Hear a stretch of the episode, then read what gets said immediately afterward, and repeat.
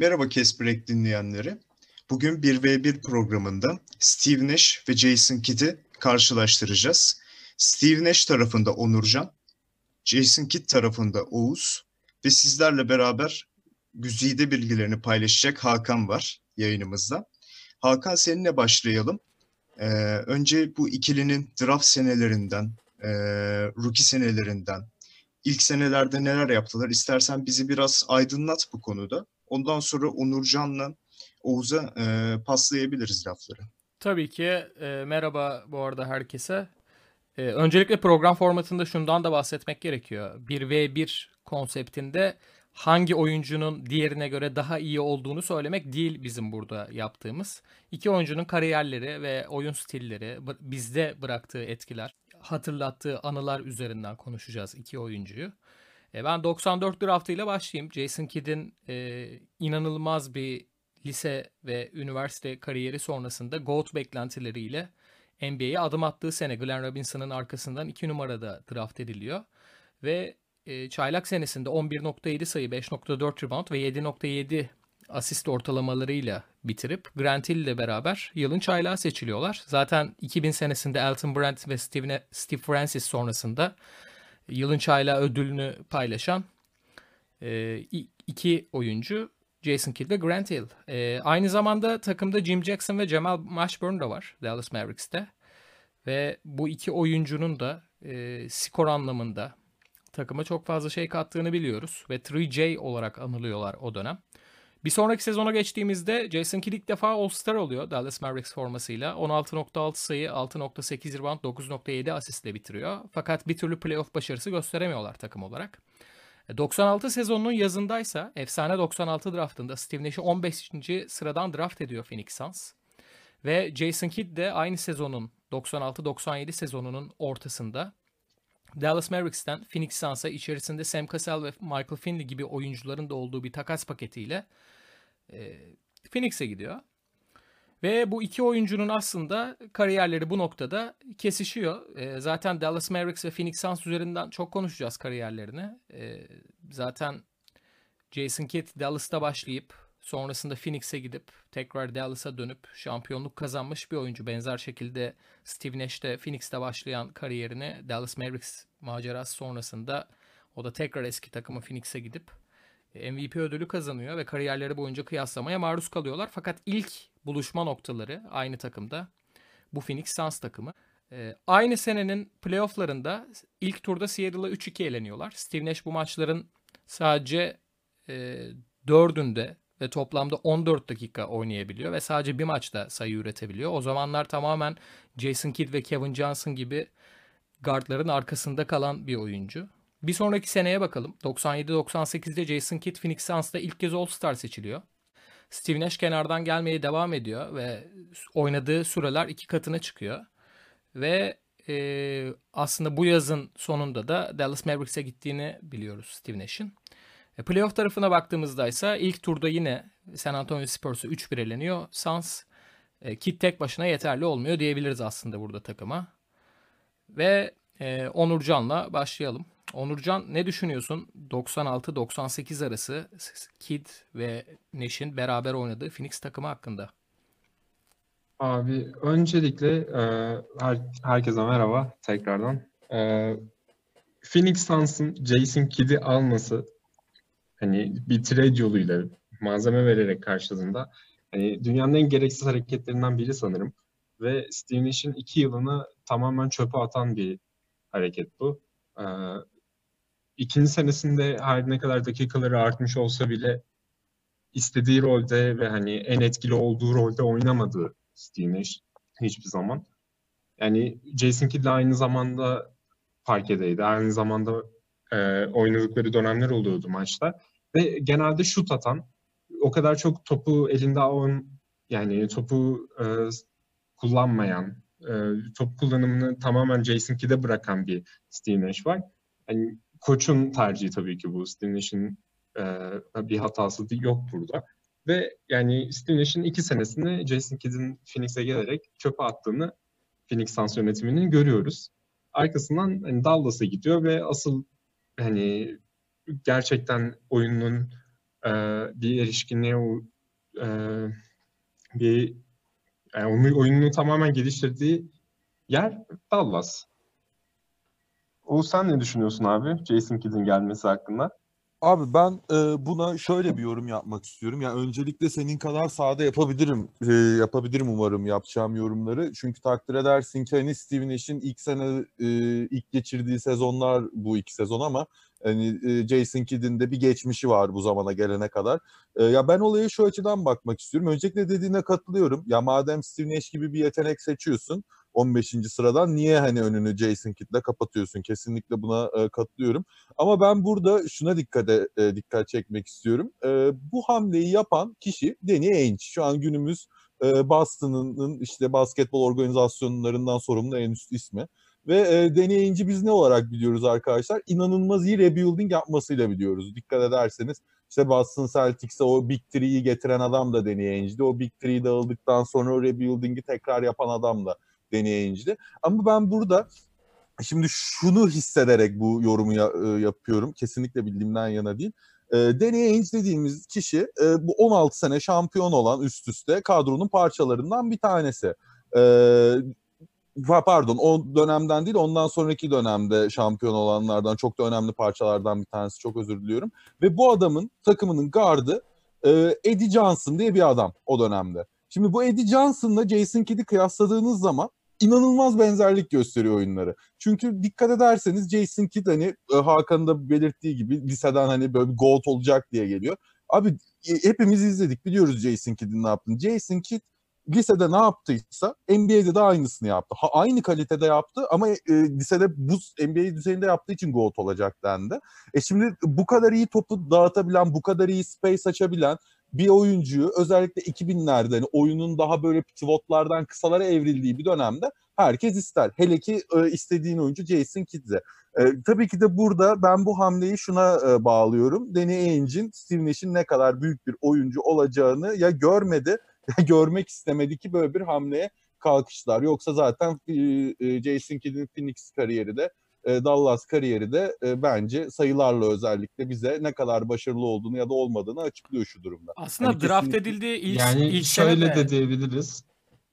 Ee, pardon abi. Yani Oğuz'un söylediğine kalırsa Jason Kidd her yerde torpili almış. Yani üniversiteye girerken de e, şey Phoenix'e gelirken de Kesinlikle kesinlikle zaten şöyle almadığını dü- düşünüyor muyuz arkadaşlar? Yani baktığınız zaman hani e, LeBron James'ten önce e, high school'da ya da college'da bu kadar popüler olan adam Jason Kidd'di. Yani Sports Illustrated'da çıkan belki ilk atlet LeBron James'ti ama hani Sports Illustrated'da ilk college atlet olarak röportaj veren adam da Jason Kidd'di. Yani bu- şekilde zaten bir medya hype'ınız varsa arkanızda bazı şeyler daha kolay oluyor. Özellikle de hani Amerikalıysanız hani Nash bir de hani Kanada'dan da geldiği için bunun da bir şey vardı. Tabii kariyerlerinin e, ilerleyen süreçlerinde bence bu Nash için bir artıya dönüştü.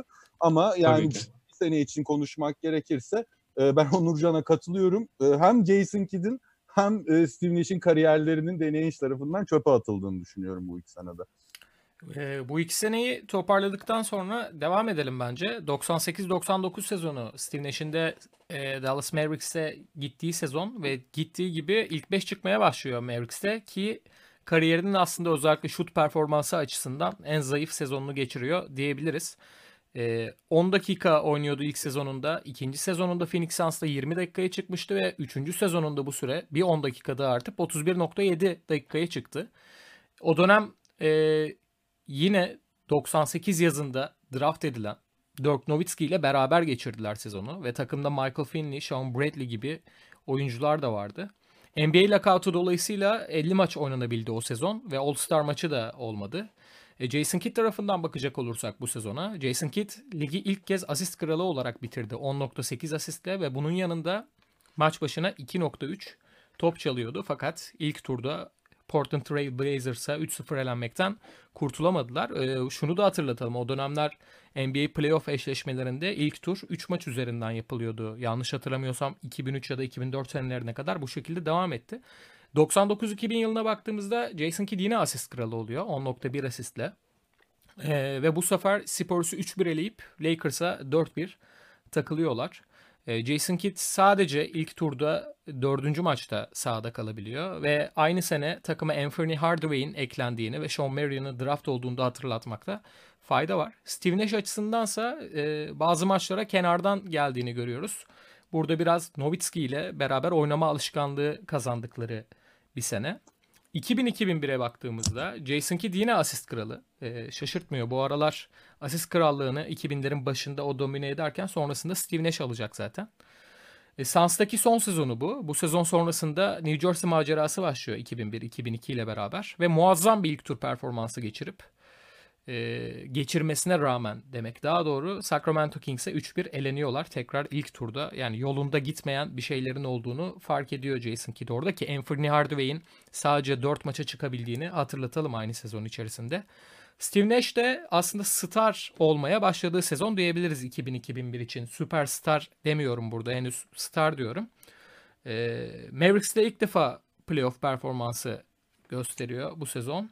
Utah'ı 3-2 geçerlerken serinin açık ara en iyi oyuncusunu Steve Nash olduğunu söyleyebiliriz. Fakat batı yarı finalinde San Antonio'ya 4-1 elenmekten kurtulamıyorlar. Ve bu sene Michael Finley, Nowitzki ve Steve Nash'in starlık apoletini almasına rağmen takımın tek All-Star oyuncusu. 2001-2002'ye geldiğimizde o takımı biraz sizden diye dinleyelim isterseniz. Bu takımdan kastım burada Steve Nash'in Mavericks'inden ziyade aslında Jason Kidd'in Nets'inden bahsediyorum.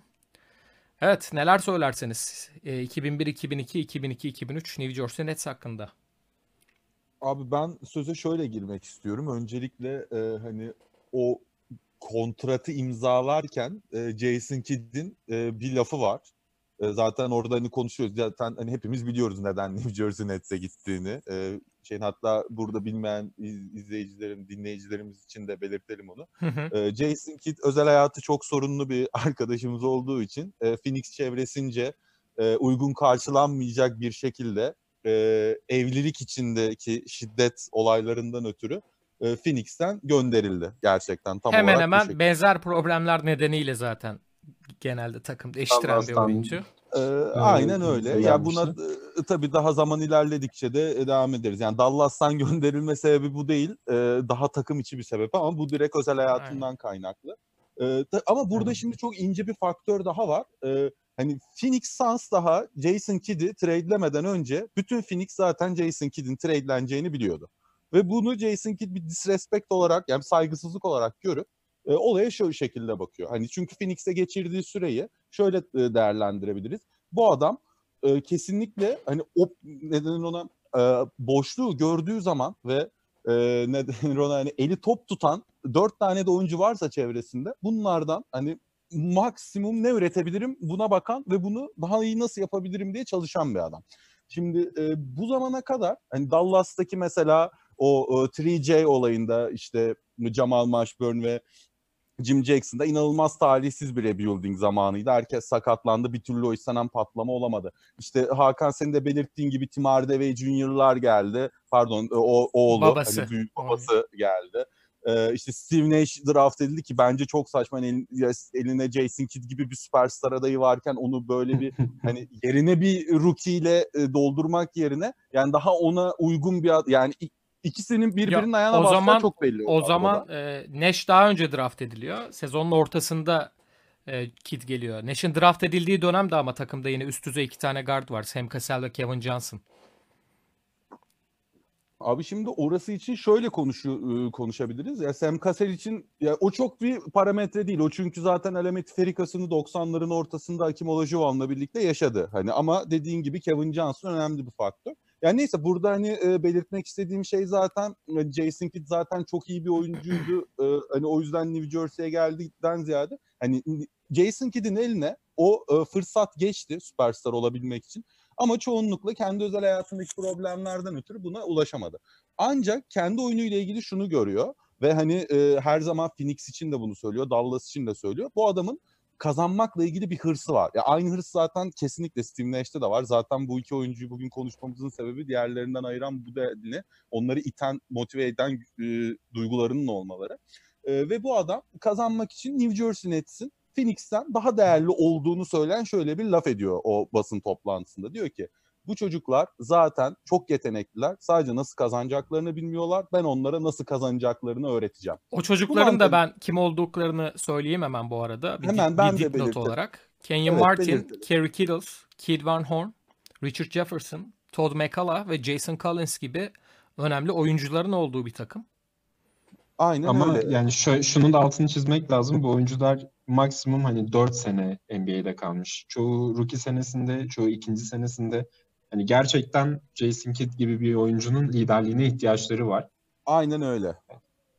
Ve o boşluğu Jason Kidd mükemmel dolduruyor zaten. Hani e, buyurun isterseniz bakalım 2001, 2002, 2002, 2003 istatistiklerine Jason Kidd'in. Hatta saha içindeki dominasyonuna da bakabiliriz. Ben Hani Mr. Triple Double lakaplarını aldığı zamanlar bunlar zaten.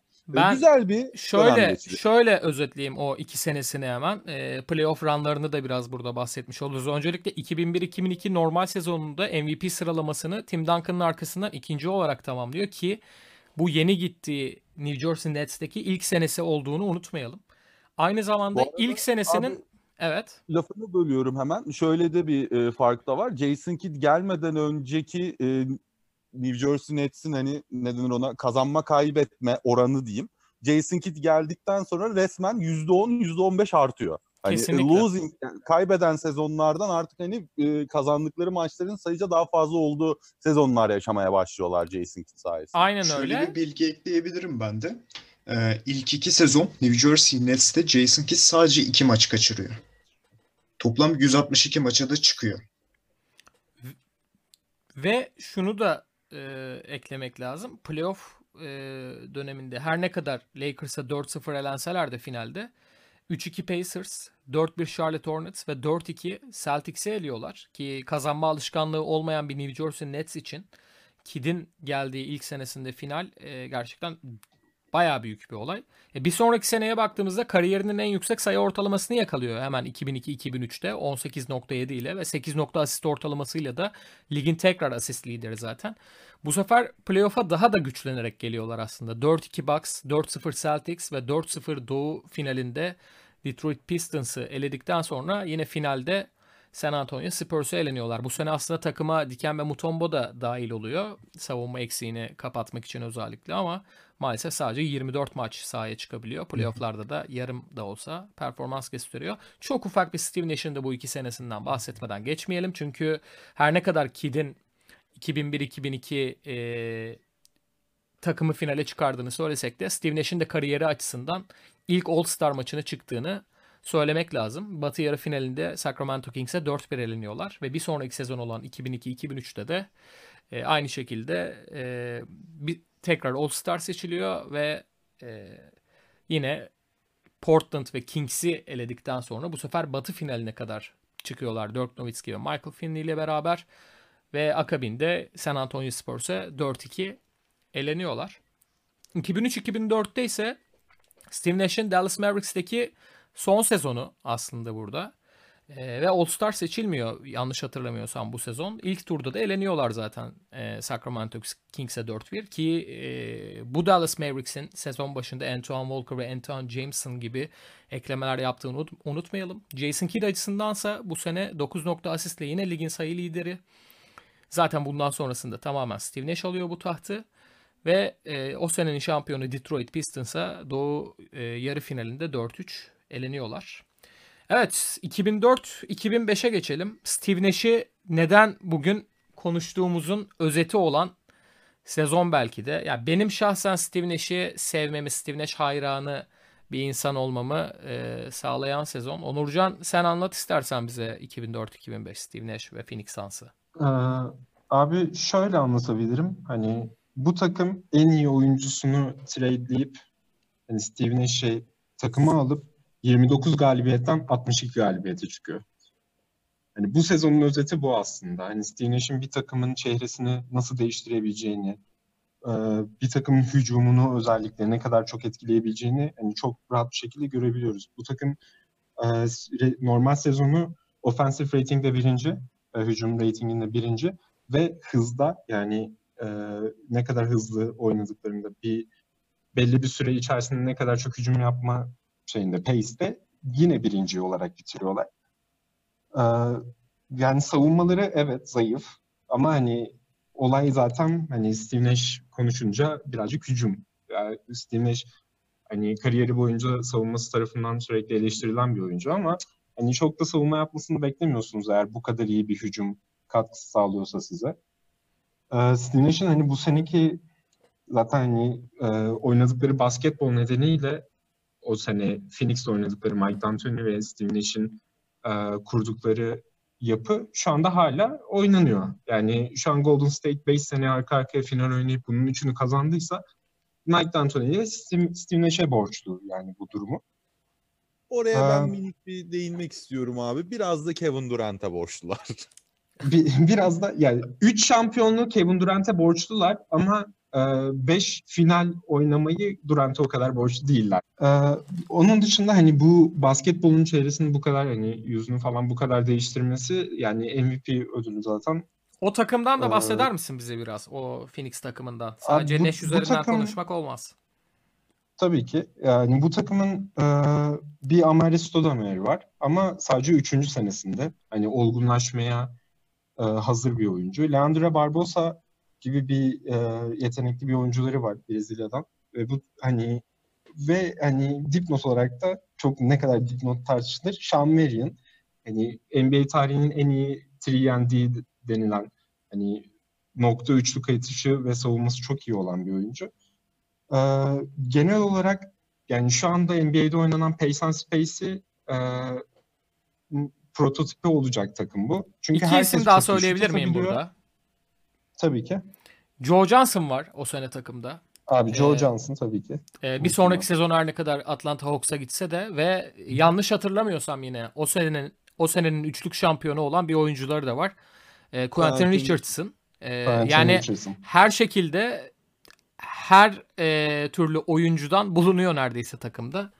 E, Steve Nash için de müthiş bir ortam. E, Nash gibi etrafındaki oyuncuların performansını yükselten bir oyuncuysanız özellikle. Şöyle yapalım Yani mı? Ee, Nash'in biraz zaten e, biraz abi. oyun planından bahsedelim. Yani Nash'in e, o oyunu yani takıma ve oyuna getirdiği katkılardan bahsedebiliriz Nash çerçevesinden. D'Antoni ile beraber Evet. oynadıkları oyundan. Abi şöyle söyleyebilirim bunu. Hani Phoenix çok hızlı hücum ediyordu. Yani zaten hani D'Antoni'nin e, bu 7 ve 6 e, Seven and No, e, Seven and Over'dı sanırım e, orijinali. Bunu bu lakabı almasının nedeni bu 7 saniye ve altını hücum ediyorlardı ve Steve Nash bu kadar hızlı hücum eden bir yapının içerisinde zaten bu yapıyı Steve Nash sayesinde kurabiliyorsunuz. Yani yıllar boyunca takımlar bu yapıyı taklit etmeye çalıştı. İlk başta Toronto denedi bunu. Hani e, ve elinizde Steve Nash yoksa gerçekten bu basketbolu oynayamıyordunuz. Ve bu yapı tamamen hani pivotların e, hegemonyasını alt üst etmek üzerine kurulu. Pivotları ne kadar e, potadan uzaklaştırabiliriz ve boş turnikeyi ve üçlüyü ne kadar çok kullanabiliriz. Tamamen bunun üzerine kurulu bir yapı.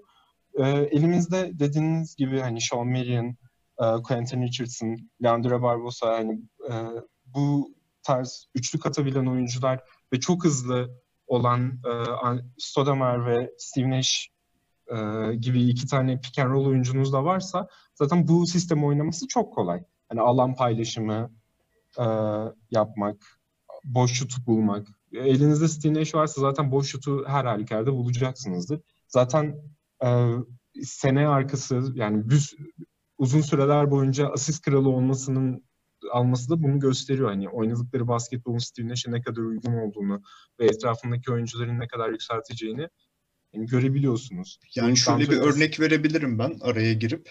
Ee, Boris Diaw 3 sene boyunca Phoenix Suns'taydı 2005'ten 2008'e. Evet. 2006'da MIP ödülünü alıyor. Yani bunu aslında biraz da Neşe borçlu diyebilir miyiz? Kesinlikle. yani. Yani Yani e, Boris Diaw kötü bir oyuncu değil. Hakkını verelim ama hani eee, iyi bir savunmacı. O kısmı, gelişme, o hani- kısmı e, Neş'i ilgilendirmiyor ama hücum anlamında e, yani bir basamak değil üç basamak atlamasını sağlayan oyuncudur bence Steve Nash. Bu arada 2004-2005 sezonuyla alakalı şunları söylemedik. Hemen araya eklemek istiyorum. E, o, birincisi o sezonun normal sezon MVP'si zaten. Phoenix Suns'taki ilk sezonunda. Aynı şekilde ilk defa kariyerinde yine e, ligin asist kralı oluyor. 11.5 asist ortalamayla bitiriyor sezonu. Playoff playoff'lardaysa e, ilk turda çok rahat bir şekilde Memphis'i 4-0 elerken Batı yarı finalinde eski takımı bir önceki sezon oynadığı Dallas Mavericks'i 4-2 eliyorlar ve eski koçu e, Dan Nelson e, burada Nash'in kariyerinde de e, oyununu çok etkilemiş bir insan Dan Nelson. Eski takımı Mavericks'i Steve Nash'in olağanüstü bir oyunuyla 4-2 eliyorlar. 2-3 maçı var ki yani anlatılmaz yaşanır. Efsane Abi maçlar. 28'de 20 attığı maçlar falan var yani böyle kafanı şey yaparsın ya Tam- vurursun duvarlara. tamamen e, akıl almaz yani. Ve batı finaline çıkıyorlar. Ama burada karşılarına San Antonio Spurs gelince hemen hemen birçok hikayede olduğu gibi e, San Antonio Spurs geliyor yine ve 4-1 eleniyorlar. E, bir sonraki sezon e, Joe Johnson ayrılsa da takıma Alkım'ın da söylediği gibi Boris Diaw ve Rajabel gibi savunma yönünden e, kuvvetli isimler geliyor. Fakat bu sezon Amare Stoudemire'ın sadece 3 maç oynayabildiği bir sezon. Buna rağmen Steve Nash sezonu tekrar normal sezon MVP'si ödülüyle bitiriyor. Sezonun yine asist lideri oluyor. Aynı zamanda free throw serbest atış yüzdesinde de %92 ile sezonun lideri ki kariyeri boyunca ne kadar çok 50-40-90 yani %50 e, atış isabeti, %40 üçlük isabeti ve %90 serbest atış isabeti e, ve üstünde bu yüzdelerin olduğunu biliyoruz ortalamasının. Kariyerinin ilk 50-40-90 olduğunu söyleyelim ama bu sezonun. Efsane Lakers serisini 4-3 geçiyorlar. Kobe Bryant'ın tek başına oynadığı seriyi. E, Clippers'ı da yine aynı şekilde 7 maç sonunda eleyip bu sefer Batı finalinde Dallas Mavericks onları eleyip finale çıkmıştı. Kid için de e, iki sezon ard, ard arda Miami Heat'e e, eleniyor New Jersey Nets'le beraber ki onun kariyeri açısından da 2004-2005 sezonunda New Jersey Nets'e Vince Carter eklemesi olduğunu ve e, şu an Jason Kidd highlightlarını izlerken ağzımız açık kalıyorsa o alley tamamlayan Vince Carter'ın da hakkını vermek lazım. Her ne kadar e, beraber çok büyük başarılara ulaşmasalar da iki sene ardarda arda Miami Heat eliyor dedik. 6-7 ve 7-8 senelerine baktığımızda ise Jason Kidd'in zannediyorum ki 2 sene sonra All-Star'a geri dönüş yaptığını görüyoruz. Ee, ve burada müthiş bir playoff dönemi geçiriyor bu sene Jason Kidd New Jersey Nets'le beraber. Playoff'ları triple double ortalamayla bitiriyor fakat Doğu yarı finallerinde LeBron'du Cleveland Cavaliers'a 4-2 yenilmesine engel olmuyor bu durum New Jersey'nin. Steve Nash'e baktığımızda ise NBA tarihinde ard arda MVP olabilen 3 oyuncu var yanlış hatırlamıyorsam. Bill Russell, Will Chamberlain ve Larry Bird olması lazım. Böyle bir kulübün içerisine girmeye çalışıyor o da. Fakat e, Dirk Nowitzki eski takım arkadaşı MVP oylamasında onu geçiyor ve o sezon ikinci oluyor oylamada Steve Nash.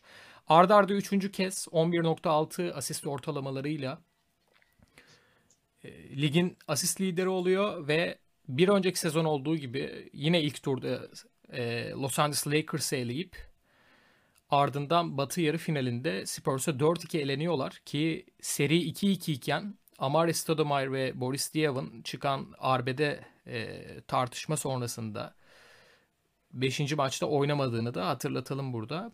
2007-2008 senesine baktığımız zaman Jason Kidd New Jersey Nets'te başladığı sezonu Dallas Mavericks'te bitiriyor.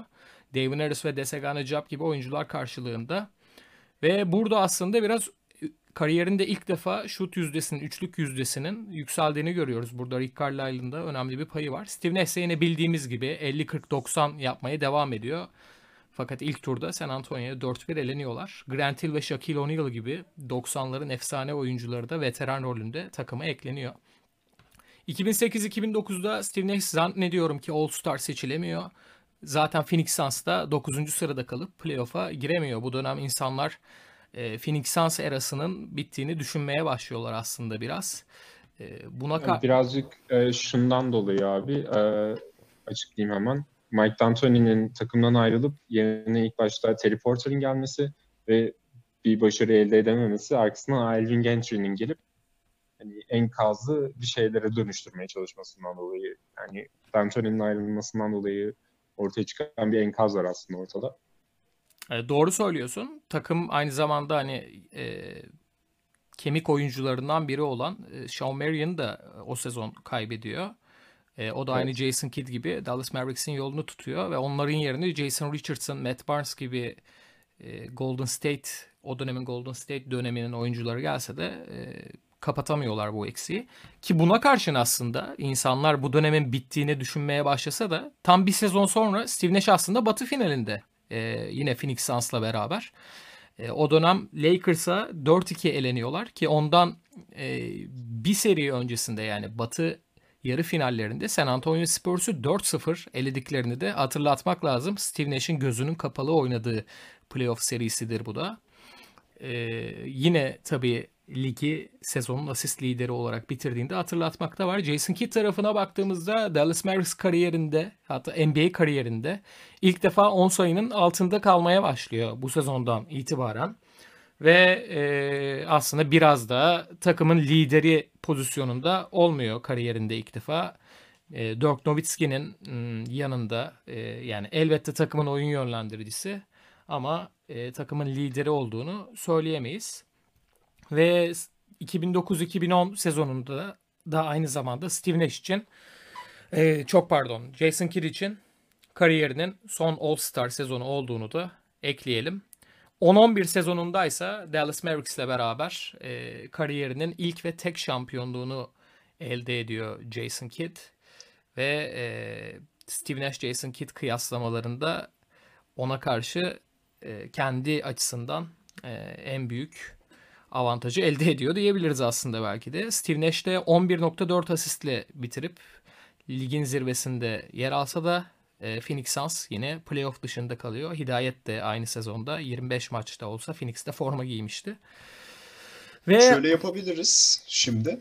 Ee, biraz aslında Jason Kidd üzerinden e, Dallas'ı bir önceki programda konuştuk ama e, Jason Kidd üzerinden şampiyonluk senesini e, Oğuz'a Oğuz bize biraz aç- açıklayabilir ki şöyle e, şampiyonluğu kazandığı sene e, 38 yaşında Jason Kidd. Onu da eklemeyi unutmayalım. Ee, arkadaşlar şimdi size teşekkür ediyorum sözü bana verdiğiniz için tekrardan. Ee, burada e, yapılacak yorum aslında şu. e, yani şimdi e, incele, incelemek gerekirse Jason Kidd'in kariyerini. Jason Kidd hiçbir zaman e, ya hiçbir zaman demek çok doğru değil ama e, ne denir ona? Yani bir Rick Carlisle gibi bir antrenörle çalışmadı Jason Kidd. Ya aslında hani m, az önceki yorum da yanlış oldu ama Rick Carlisle'la çalışmak oyuncular için bir ödül gibi bir şey yani bunu hepimiz söyleyebiliriz, kabul edebiliriz. Ee, özellikle de Jason Kidd gibi hani basketbol IQ'su bu kadar yüksek bir adamı Rick Carlisle'ın eline verdiğiniz zaman bu hani ne denir ona amiyane tabirle diyeyim e, Alex Ferguson'un eline Zidane'ı vermişsiniz gibi bir etki yaratıyor. Yaşı kaç olursa olsun ya da çevresindekiler kim olursa olsun. Çünkü Jason Kidd'in evet sayı yüzdesi e, sayıları düşmüş olabilir, yüzdeleri artmış olabilir, biraz daha ikinci plana düşmüş olabilir. Ama e, Jason Kidd'in Dallas sezonlarını izlerseniz hiç yani hiç olmadığı kadar kompakt bir yapıda oynadığını görürsünüz Jason Kidd'in ve Dallas'ın Halbuki ilk Dallas kariyerine bakalım. ilk e, Phoenix'teki e, geçirdiği zamana bakalım veya New Jersey'deki zamana bakın. Topu Jason Kidd alır ve çevresinde 5 kişi koşmaya başlar. Ve Jason Kidd sağda nereye giderse o diğer 5 kişi ona göre hareket eder. Jason Kidd hangisini uygun görürse ve nasıl bir o an canı nasıl bir pas atmak isterse onu atar ve seyirciler bunu alkışlardı. Ertesi günde televizyonlarda izlerdik yani. Gerçekten böyle bir havası vardı. Ancak ya kesinlikle e, bu şampiyonluk sezonunun en önemli noktası birincisi e, Hakan'ın da dediği gibi ikinci role geçmesi. Ya zaten kariyeri bunu işaret ediyordu. Hani New Jersey son yaşadığı sakatlıklar tabii ki o düşüşe başlamadan önce hani Phoenix'te geçirdiği sakatlık ve benzeri hani böyle fiziksel etkiler hani onu zaten yavaşlatacaktı. Ama en kritik şeylerden bir tanesi hani düşen e, sayı oranına rağmen, kullanım oranına rağmen e, steal'ı hiç düşmüyor. Asisti hiç düşmüyor ve rebound'ı hiç düşmüyor. Yani aslında baktığınız zaman e, direksiyona Nowitzki'yi koyuyor Rick Carlisle ve arkasında da diyor ki bu motorla ilgili yaşanan herhangi bir sorunu Jason Kidd halletsin. Gerçekten şampiyonluk sezonunun özetini bu şekilde e, bence yapabiliriz. Çünkü e, Dirk Nowitzki'nin yanında e, eşlik etmesi beklenen isimler Josh Howard ve Jason Terry. Yani bu iki arkadaşımla ben e, yani çok özür dileyerek söylüyorum IQ düzeylerinden şüphe ediyorum. Yani bu adamların e, iyi basketbol oynayabilmeleri falan hani mucize yani. Neden mucize? Çünkü Rick Carlisle diyorum. Yani bu iki oyuncunun da Rick Carlisle'dan sonraki kariyerlerine bakarsak anlarız diye düşünüyorum zaten. E, dolayısıyla e, yani toparlamak da gerekirse Ricka, e, yani şöyle özetleme, e, özetlemek lazım bence tek bir cümleyle. Öncesinde Kid'in gittiği bütün takımlarda antrenörler Kid'in üzerine bir sistem kurdu.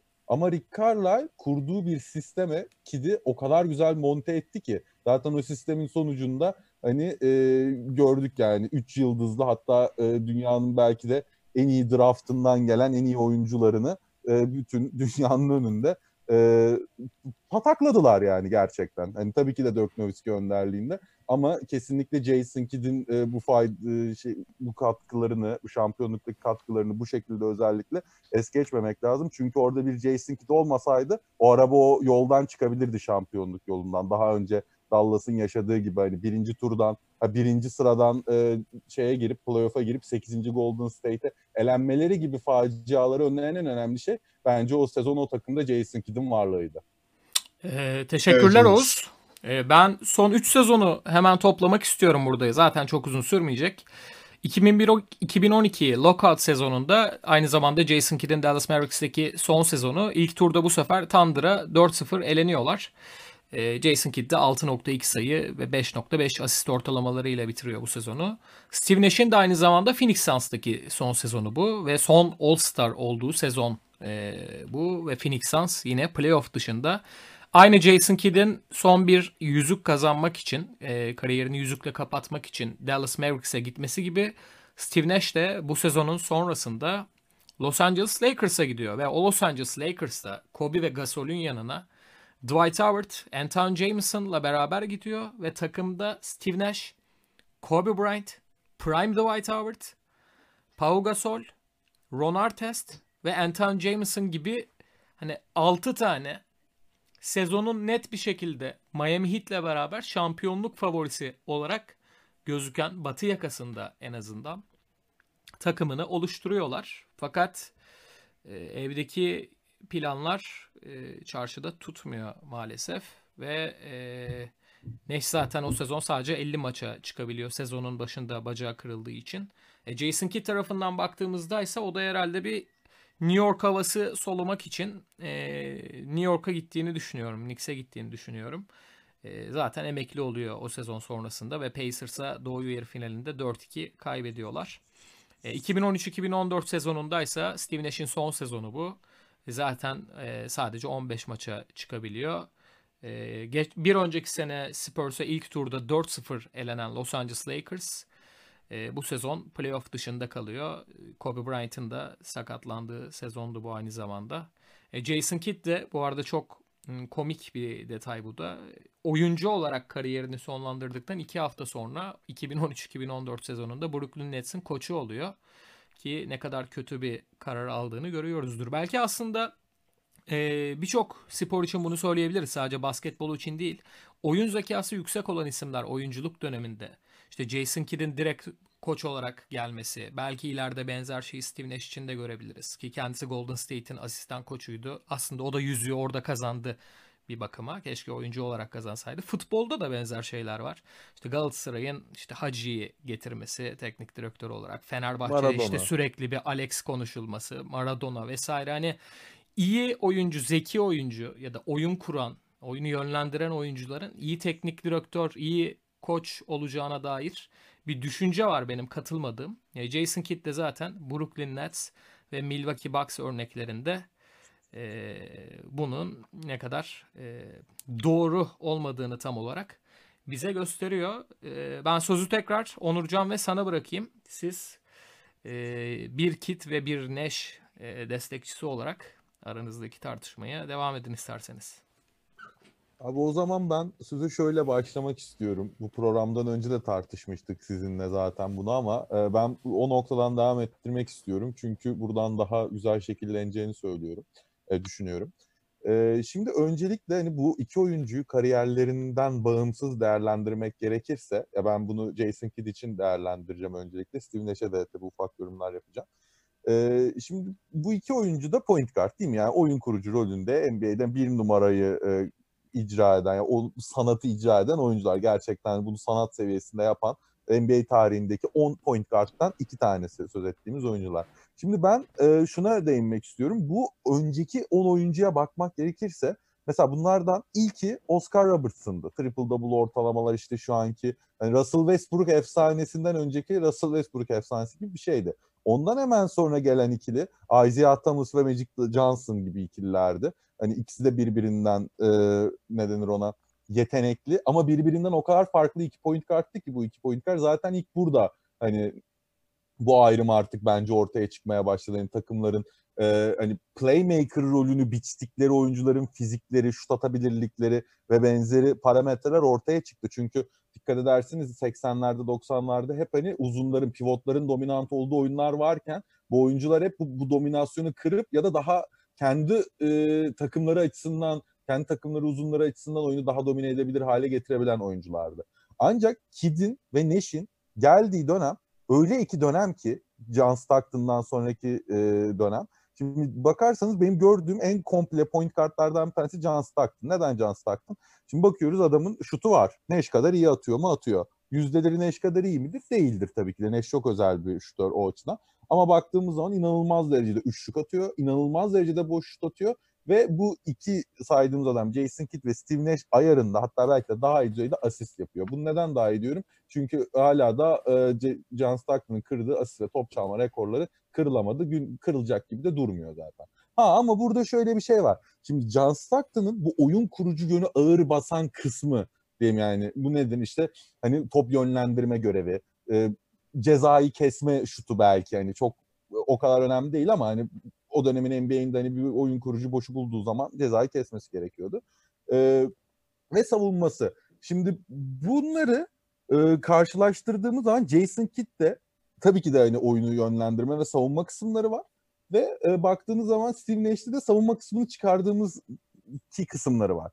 Ancak o dönemin medyası olsun ve hani basketbolun işleyişi olsun Jason Kidd'e daha sıcak bakıyorlar. Çünkü hani o dönemin NBA'nin oynanışı Jason Kidd'e daha uygun. Neden? Çünkü dediğim gibi topu bir point kart eline alsın, topu bir yerlere vursun e, ve kafasına göre bir yere pas versin ve bu e, highlight reel olsun ondan sonra her yerde izlensin. Herkes bunu konuşsun. Böyle bir adam olsun. Her maç 30 asist yapsın. işte süperstarın 40 sayı atsın. Şampiyon olalım gibi bir şeydi. Ha, ama Nash bunu kırdı. Çok da güzel kırdı.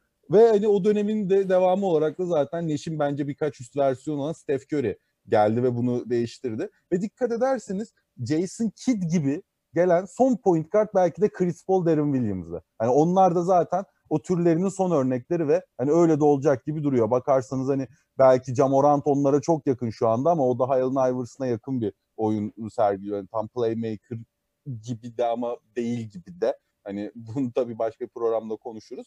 Ee, ancak benim burada yapmak istediğim şey ya eğer point guard'ı bir okul olarak düşünürsek ve bunun en önemli iki dalını temsil ediyor Steve Nash ile Jason Kidd. O yüzden doğrudan ikisini hani o daha iyi bu daha iyi gibi kıyaslamak çok doğru değil. Çünkü gerçekten Kidd'in iyi yaptığı şeyleri yani nedir ikisinin ortaki yaptıkları şeyler var ama birinin kötü yapıp ötekinin iyi yaptığı şeyler de var ve bunlar kariyerlerinin e, ne denir ona yani çok çok daha ileri gitmesini sağlayan şeyler değiller maalesef. Çok ufak hani bir belki... parantez açacağım. Ben şöyle düşünüyorum evet. e, bu söylediğin noktada.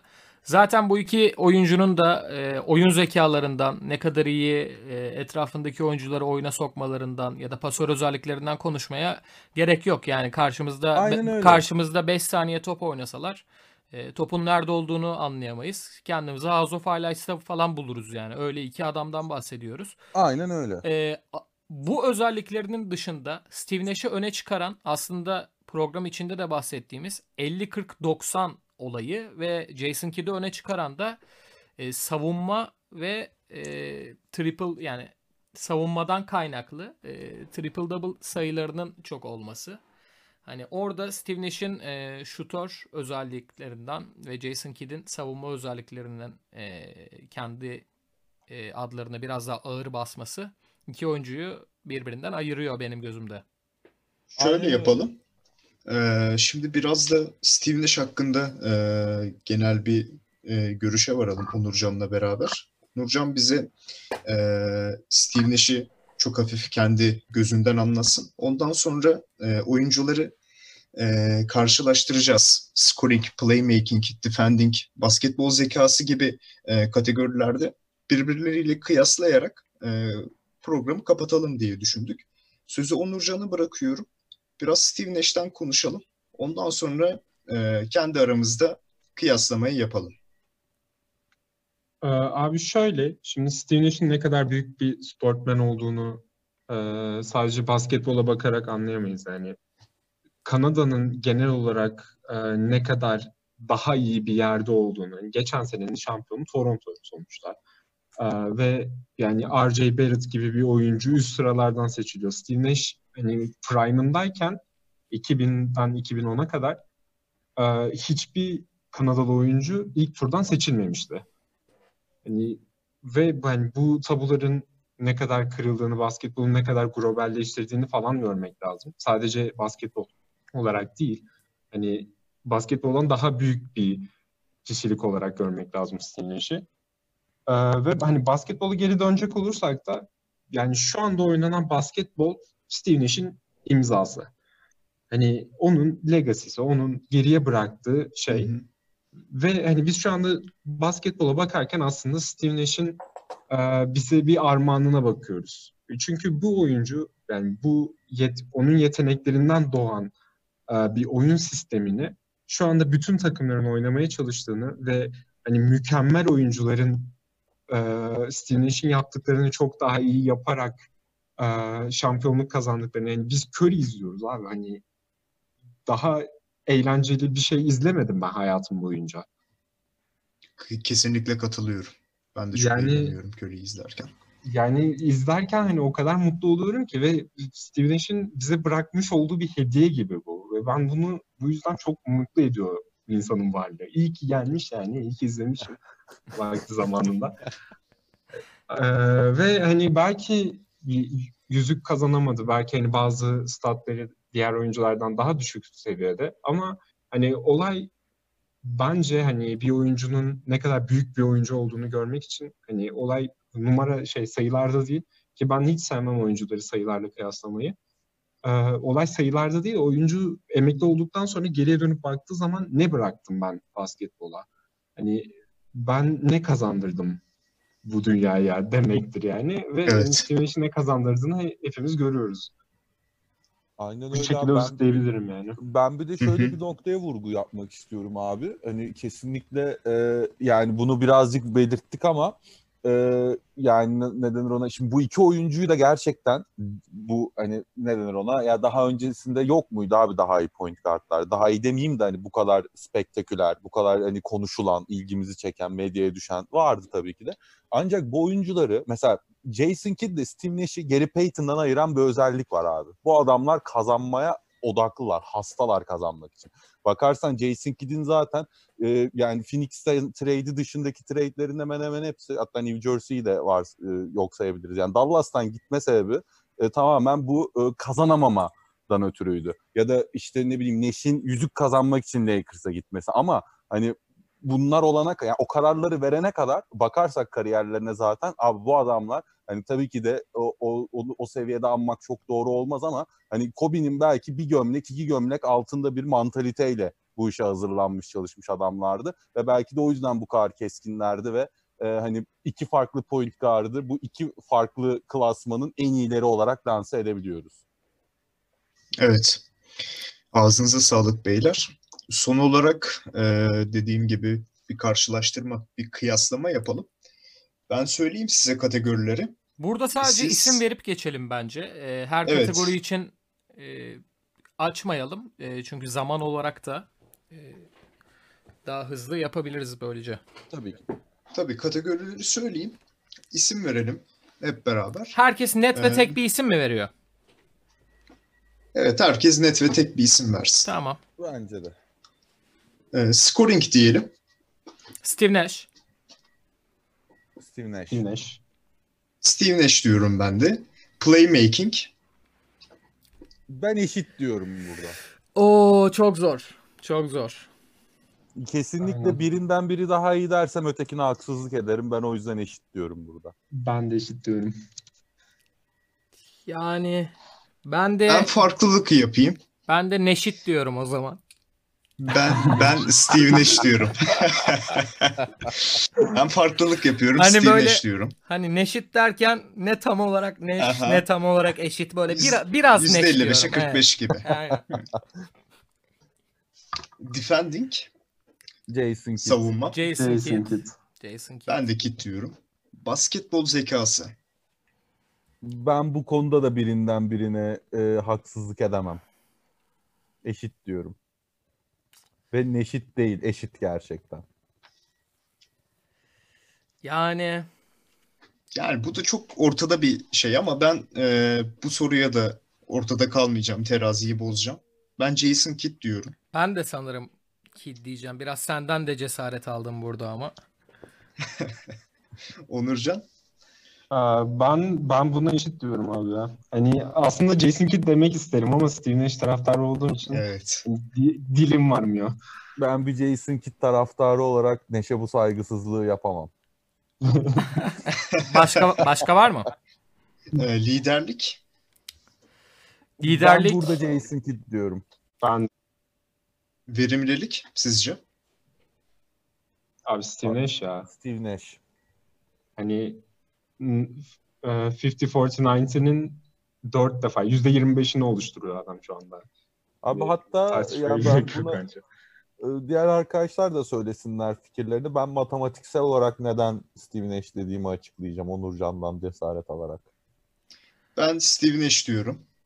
Ee, ben de burada e, Steve Nash'e gidiyorum. Zaten kariyerinde de e, yani burada sadece şut verimliliği belki e, bu ama kariyerinde %55'in altına neredeyse düşmemiş. %60'ın üstünde olduğu bir e, efficiency field goal senesi var ki 2006-2007 o Amare'nin sakat olduğu ikinci MVP sezonu. Zaten ligin de lideri. Hani burada e, tartışmaya biraz kapalı olarak gördüğüm bir kategori burası. Evet sevgili. Kes dinleyenleri bizi dinlediğiniz için çok teşekkür ederiz. Bugün Neş'le Kid'i karşılaştırdık. Gelecek programlarda başka insanları karşılaştıracağız. Tabii ki de NBA efsaneleri. Hoşça kalın. Dinlediğiniz için Ağzınıza sağlık. Dinlediğiniz için Hoşçakalın teşekkürler abi. dinleyenler, Kesprek dinleyenleri. E, bir başka programda tekrar görüşmek üzere. Sağlıcakla kalın.